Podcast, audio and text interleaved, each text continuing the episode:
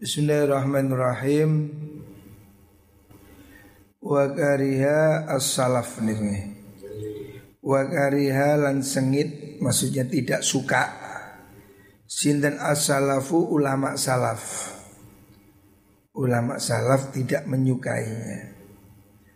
Sengit tidak senang sopo dia. Sopo as-salafu ulama salaf As-sauba ing pakaian arraqiqa kang alus. Maksudnya pakaian-pakaian jenis yang bagus, yang halus Ulama salaf dulu kurang suka. Wa qalu lan dawu sapa salaf man raqqa thawbuhu raqqa dinuhu. Man utai sapane wong iku raqqa tipis alus apa thawbuhu pakaian iman Yoroko ya mongko dadi tipis apa dinuhu agoman iman ya.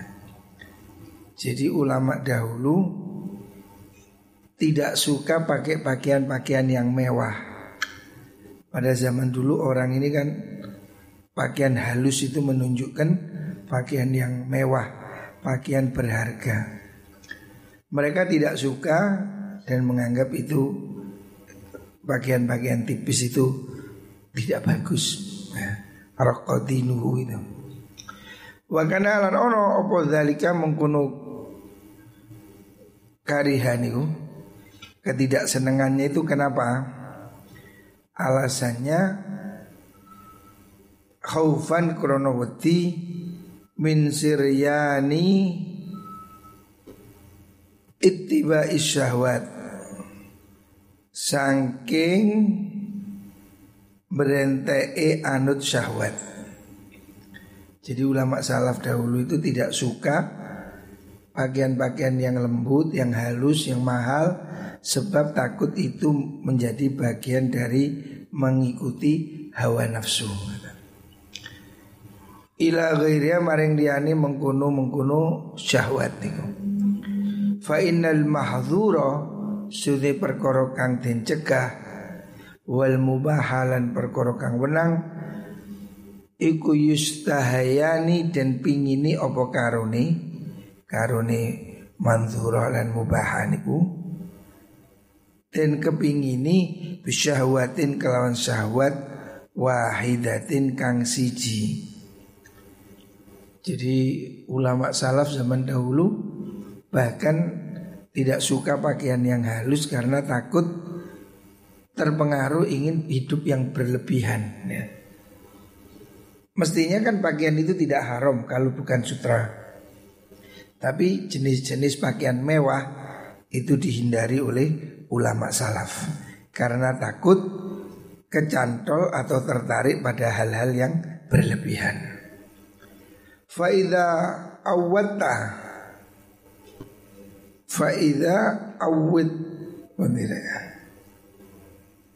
Wa idha Ta'awadat nih gue Wa ta'awadat nan nalikani biasa akan Opo asyahwatu syahwat Kesenangan Al musamahata ing Gampangakan Musamaha itu Ya menganggap enteng Istar salat mongko dadi ucul terlepas.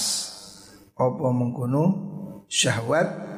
Faqtada mongko natrapi apa khauful wara khauful fatwa? Wadine fatwa al wara'a ing sifat wirai an hadza sanging ikilah mengkono ta'awud kullihi yaskabihane ta'awadat nih karena ketakutan. Nanti kalau dituruti Orang hidup ini semakin senang kemewahan Semakin konsumtif Maka wirai ya Kehati-hatian Menuntut untuk tidak melakukannya. Karena ini sifatnya wirai. Wirai itu hati-hati. Walaupun itu tidak haram gitu pakaian mewah, pakaian bagus, jam tangan Rolex, cincin berlian itu tidak haram. Tetapi ulama-ulama sufi tidak suka karena dia takut berlebihan walaupun itu perkara halal.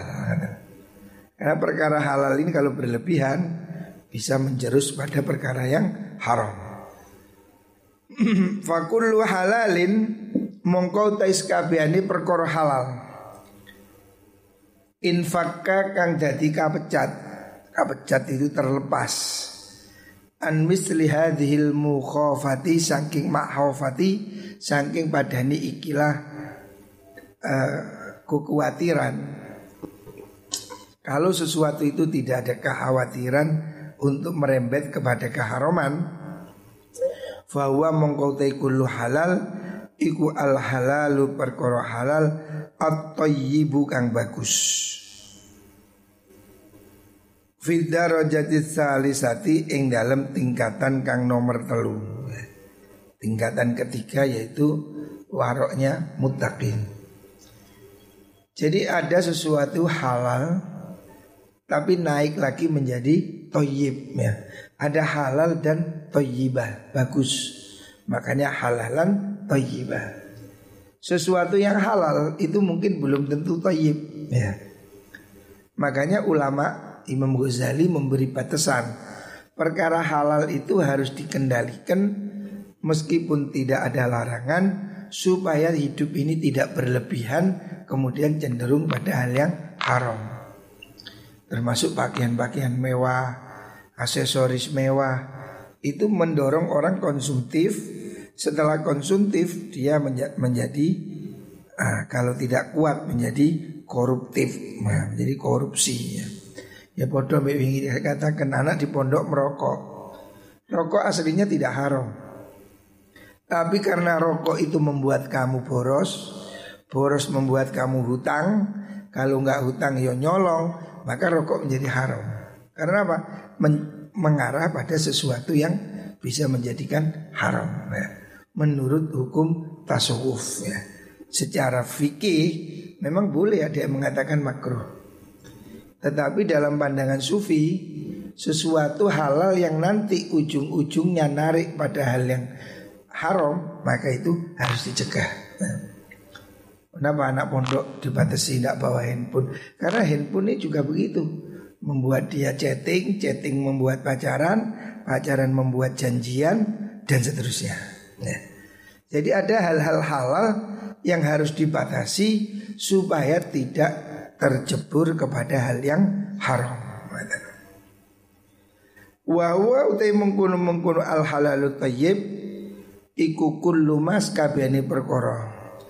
La yukhafu kang ora den wedeni apa ada nekani ma ila maksiatin maring maksiat albattata babar pisan kalau sesuatu itu memang halal dan tidak ada indikasi bisa menarik pada yang haram maka itu boleh ya tetapi sesuatu yang halal apabila dicurigai bisa menarik kepada hal yang haram ya. Nah, seperti hidup berlebihan menjurus ke korupsi. Maka itu harus dicegah meskipun halal. Karena halalnya itu bisa merembet ke haram. Ahmad darajatur rabi'ah anak pun derajat kang nomor papat. Tingkatan yang keempat.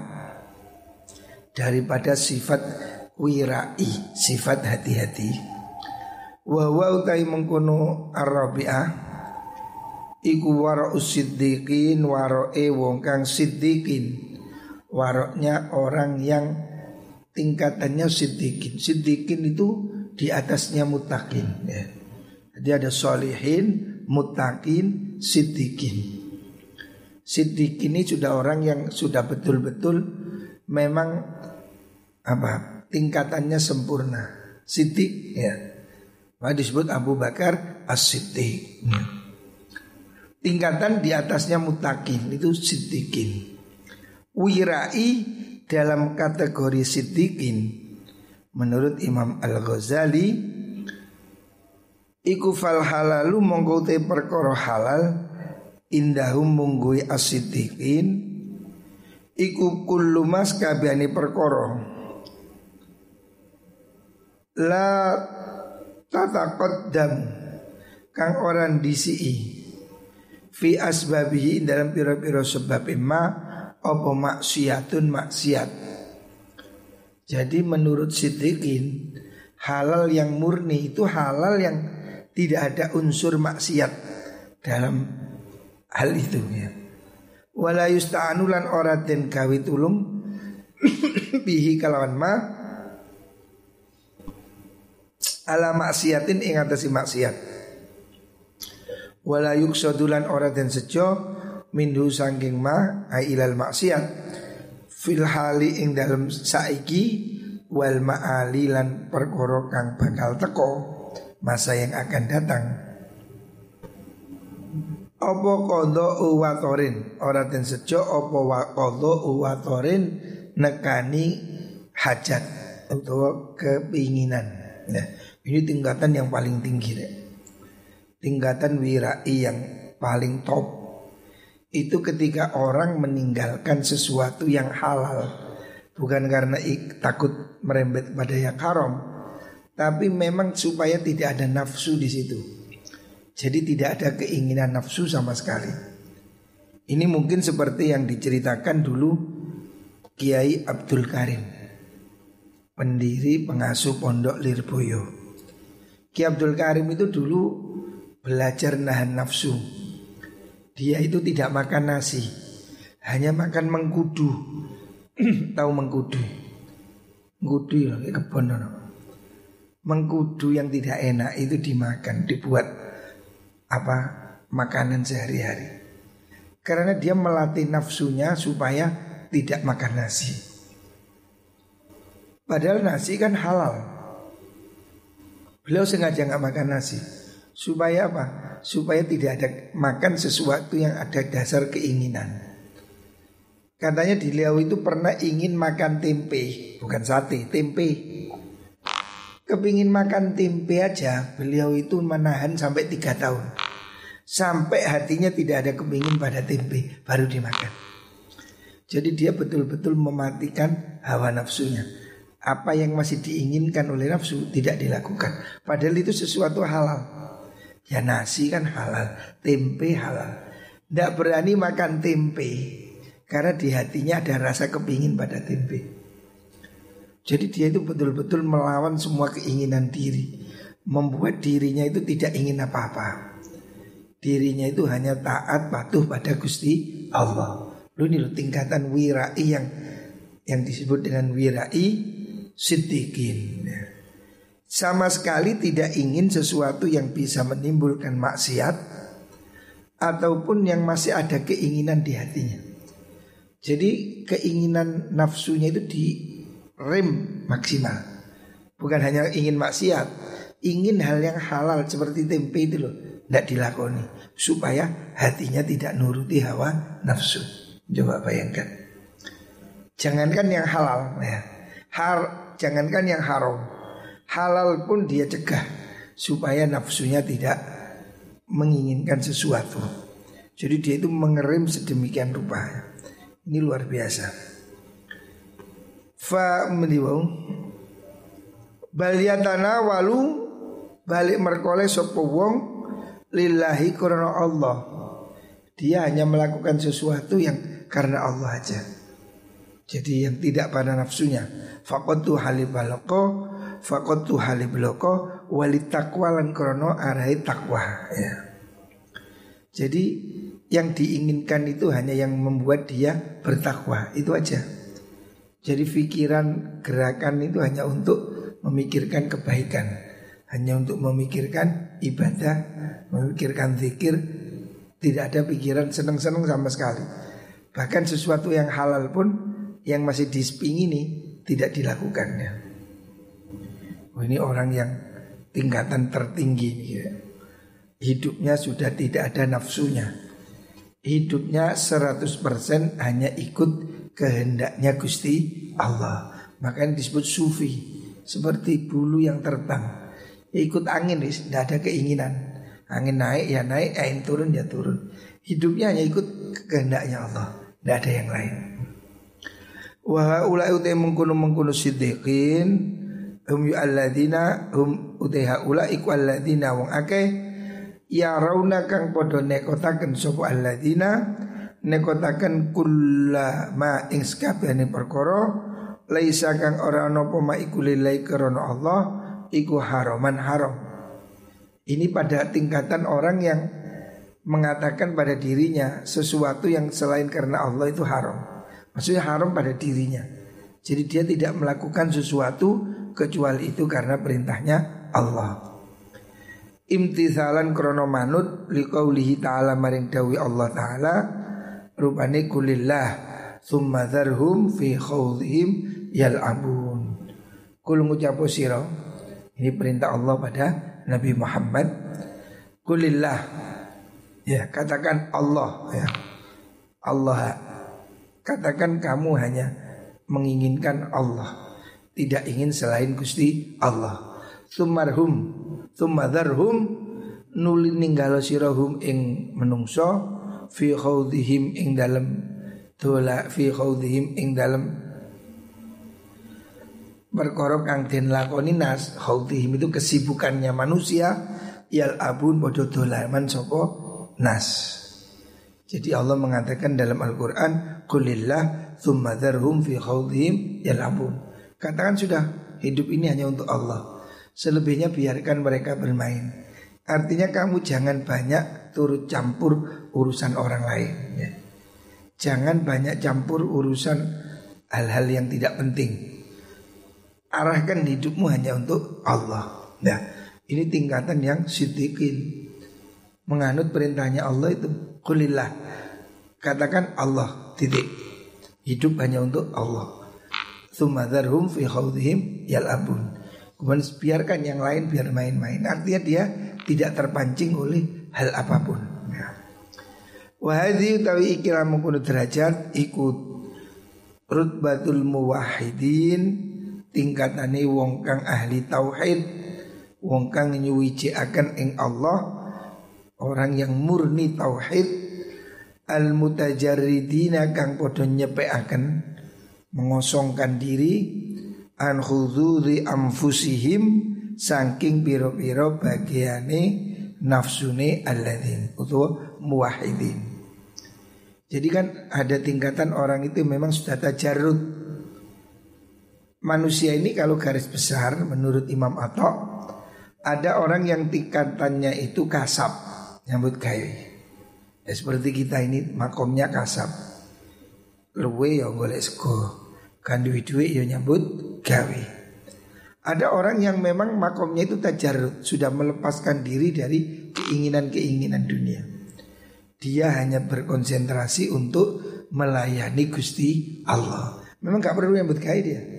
Karena dia tidak ada kepingin beli mobil, tidak kepingin beli handphone, tidak ada. Memang keinginannya hanya Allah. Maka dia dicukupi oleh Gusti Allah. Nah, ini tingkatan yang namanya mutajarridin. Orang yang mengosongkan hidupnya murni hanya untuk Gusti Allah ya. Ini tingkatan wali ya kita kita belum masuk di sini. Jadi mereka itu hidupnya hanya untuk Allah. Makanya mereka nggak ingin beli apa pun, bahkan mungkin tidak punya rumah, tinggal di gua di mana yang memang hidupnya sunyi hanya untuk Allah. Nah, mutajarid itu. Tidak ada nafsunya al munfaridina kang padha akan menyendiri lillahi karena Allah bil qasdi kelawan sejo. Memang dia concern hanya untuk ibadah. Tidak ada kepingin dagang, tidak ada kepingin rapi, nggak ada kepingin macam-macam. Memang dia hidup hanya untuk Allah. Lah ini tingkatan tersendiri. Ini tingkatan yang kalau dalam wirai sudah tingkatan tertinggi yang disebut dengan wirai kelas siddiqin. Wala sakalan ora ana mamang iku.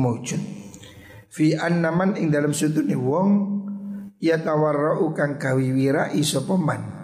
Amma sanging perkara yusilu kang nekakaken apa ma? Ilaihi. Maring ila yusil kang nekakaken sapa sapa wong ilahi maring ma? Bimaksiatin kalan maksiat. Au yasta'an au yusta'anu tau gawe pitulung alaihi ingatasi mengkunuman bimaksiatin kelan waksiat fayatawar umongko gawi wira isopoman La syakka orang no mamang iku maujud Ini ya Oh ngetril ya. La syakka fi anna ma taur amma yusol, yusilu ilaihi Au yustanu ali bimaksiatin Liyatawarro'a supaya gawe wira isopo wong Amma saking perkara yak tarinu kang bebarengan opo ma bisa babik tisabi kelan sebab merkole ing mengkunu ma yusul ilaihi maksiatan ing maksiat au karohiyatan ing kemakruan ya. Jadi orang-orang yang pada tingkatan wirai kelas siddiqin ya itu sudah menghindari sesuatu yang bisa dibuat tujuan untuk maksiat atau sebabnya di situ ada maksiat. Jadi sama sekali tidak ada maksiat katanya. Memang hidupnya itu tidak ingin apalagi haram makruh pun tidak ingin dilakukan.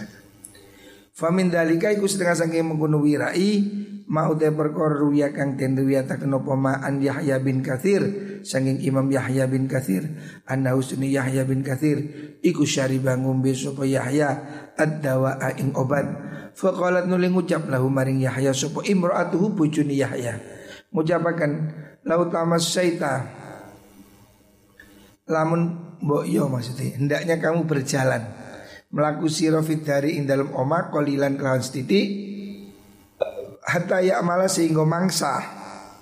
Bereaksi. Obo adawau obat? Ini Imam Yahya bin Kathir umpamanya sakit pusing atau sakit perut minum obat.